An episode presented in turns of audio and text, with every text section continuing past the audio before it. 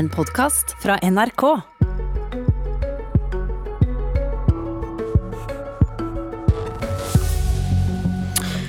Dagens sending starter der tirsdagens sluttet. Ja, jeg kaller det kommunisme, og det er akkurat det det er. Høyre kaller det for kommunisme.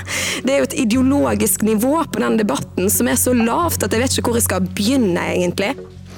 Og da hopper vi i så fall ikke etter Wirkola når vi nå prøver oss på å fortsette den ideologiske debatten. Målet til Rødt er kommunisme, så hvorfor reagerer de på å bli kalt kommunister? Mimir Kristiansson kaller seg kommunist, men bare én dag i uka.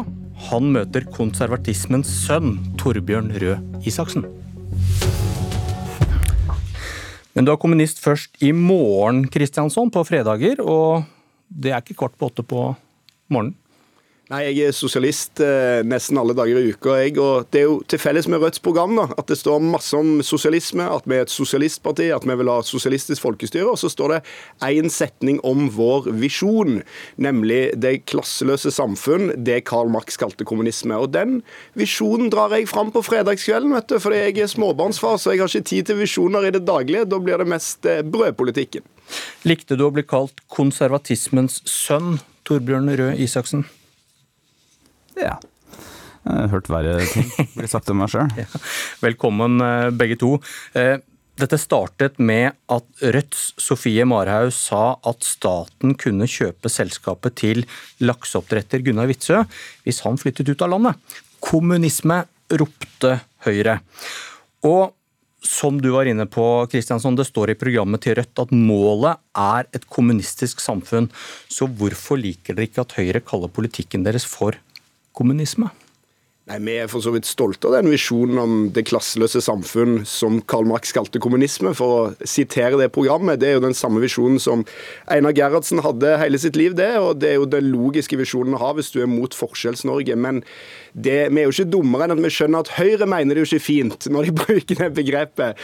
Og jeg har jo sittet i 100 debatter med Høyre-folk opp gjennom årene og blitt beskyldt for de uhyrligste ting. Altså, Gruppeleder i Høyre i Stavanger har jo sagt at jeg heier på diktatur.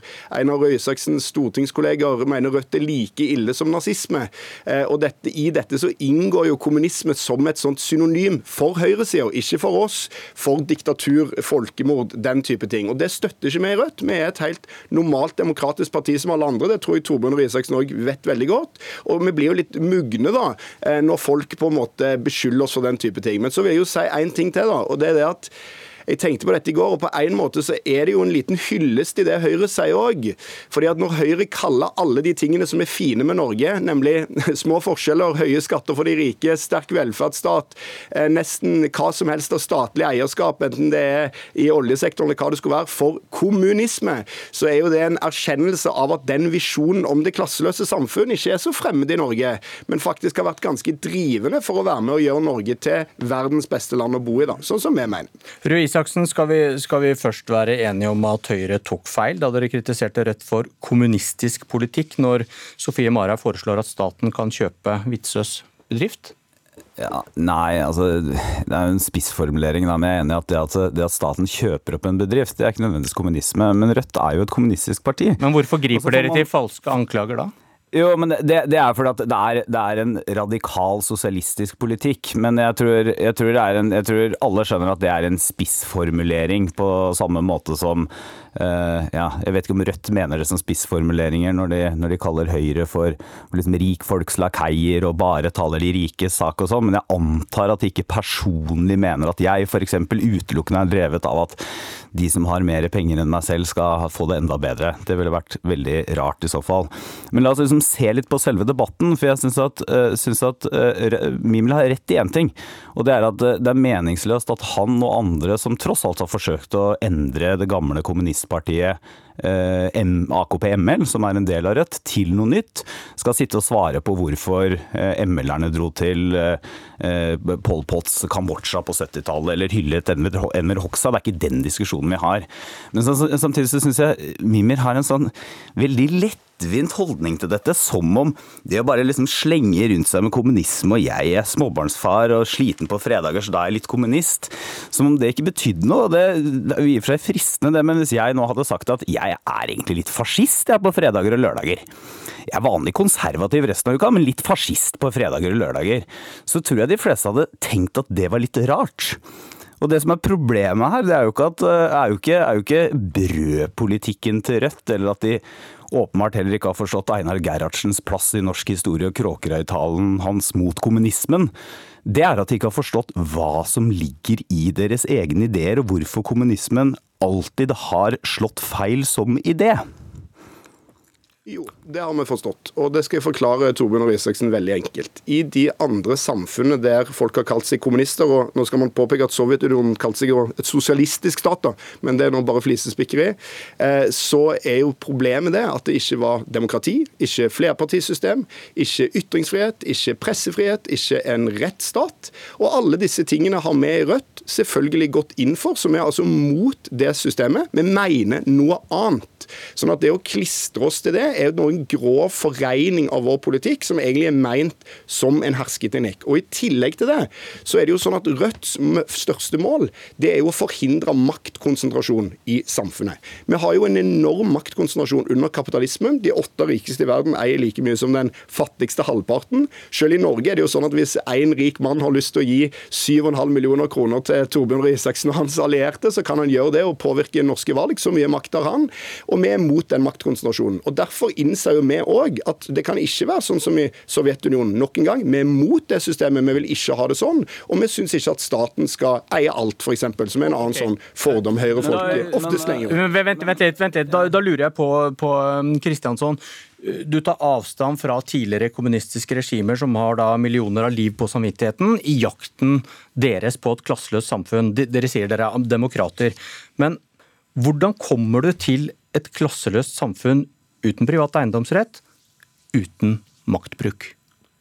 Nei, Vi er jo åpenbare på at vi ikke vil ha noe maktbruk på den veien. Altså, Vi har en visjon, en politisk visjon om et klasseløst samfunn. Ja, Ved valg. Ved at vi vinner valg og oppslutning, så taper vi kanskje noe valg. Dette går i skrittvise retninger, fram og tilbake. I Norge var det sånn. Fra 1945 til 1989, det vi kan kalle likhetsperioden i Norge, gikk ulikheten ned hvert eneste år. Så de siste 30 årene, etter Høyre har fått gjennom sin ulikhetsrevolusjon, da, for å bruke vår terminologi, så har ulikhetene økt hvert eneste år. Men hvordan skal dere ta fra Witzøe pengene pengene og Nei, i? I tilfellet var det jo snakk om å kjøpe opp firmaet hans som han tilbød seg å selge.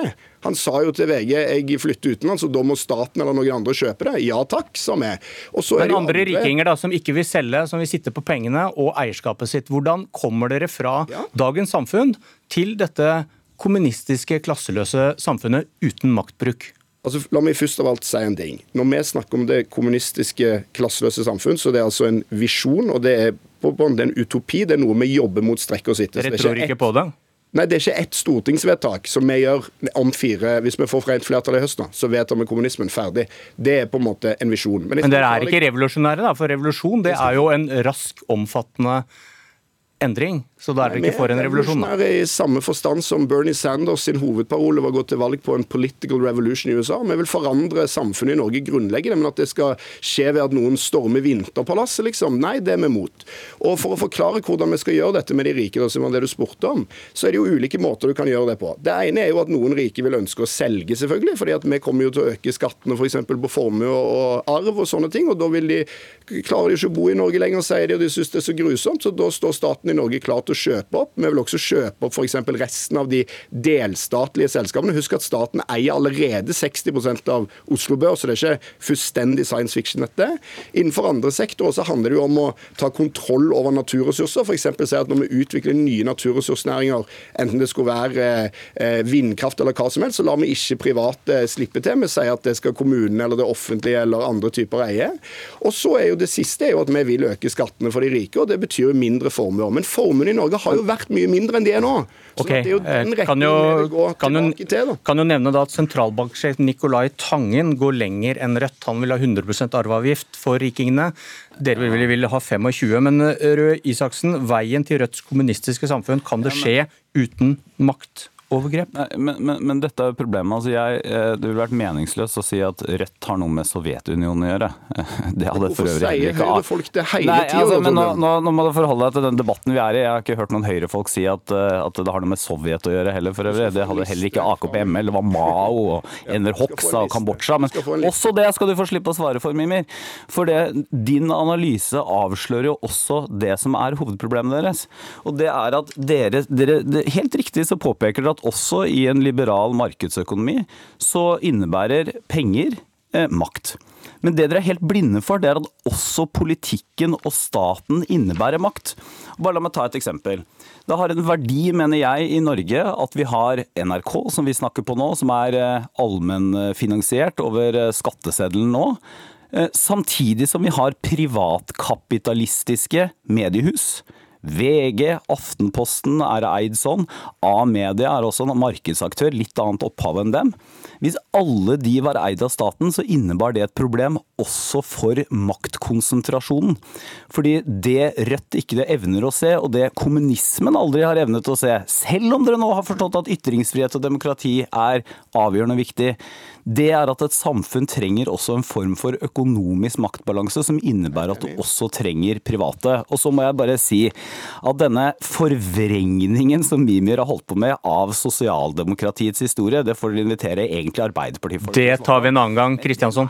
Er for å svare på dette med makt, så sa jo jeg tidligere bare i denne samme debatten, så sa jo jeg jeg er imot at staten skal eie alt. Leser du Rødts program, og det er jo det eneste prinsipprogrammet noen i Norge leser, så vil man jo se at det er ganske tydelig på at man nettopp ikke skal ha en sånn situasjon der staten er F.eks. staten skulle eie alle mediene.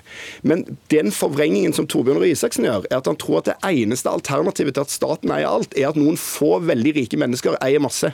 Og det er ikke riktig. For så er det også sånn at de aller fleste avisene i Amedia-konsernet er jo eid av en ikke privatkapitalistisk drevet stiftelse. Det er jo sånn at Klassekampen, som en avis jeg har jobba i, ikke er eid med profitt som mål. Det er massevis av andre måter å eie på, og eie for så vidt du kan si privat i den forstand at det er personer som eier, men ikke privatkapitalistisk. Og Det vi i Rødt går inn for, det er jo da både Ja, staten skal eie en del ting, det gjør de allerede i Norge, men vi vil jo si mer. da. Vi vil jo at staten f.eks. skal eie hele Equinor eller Statoil, som jeg helst ville kalt det. Så må jo noen steder passe det med kooperativt eierskap. Det er ikke science fiction, det heller. Største dagligvarekjeden i Norge er eid av kundene, ikke av en rik eier. Coop heter den. Så er det arbeiderstyrte bedrifter. Det finnes det masse eksempler på rundt i verden, men også i Norge, særlig egentlig faktisk i IT-bransjen, der det er mye av det.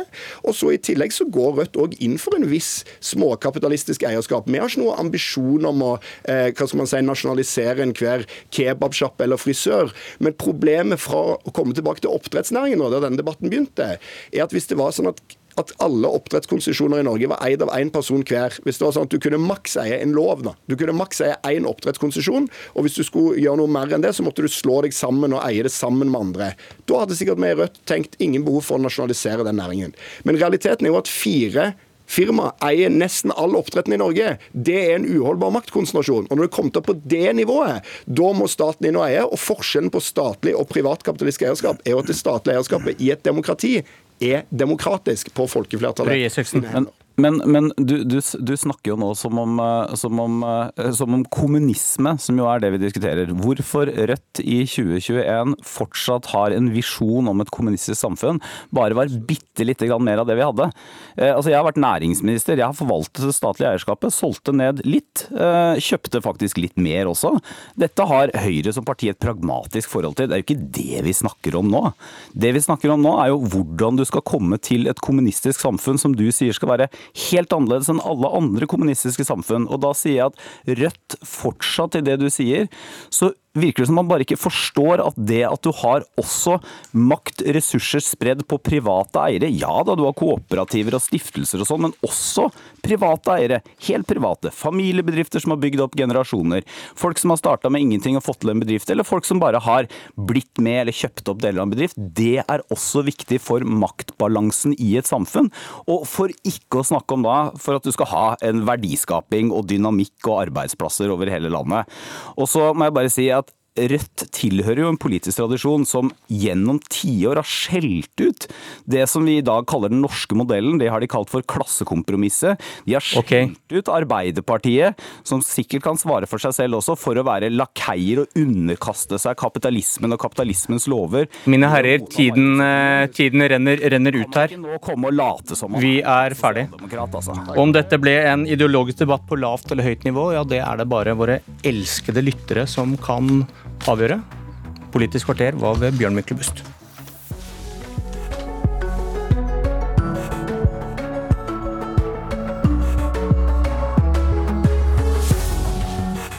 Du har hørt en podkast fra NRK. Hør flere podkaster og din NRK-kanal i appen NRK Radio.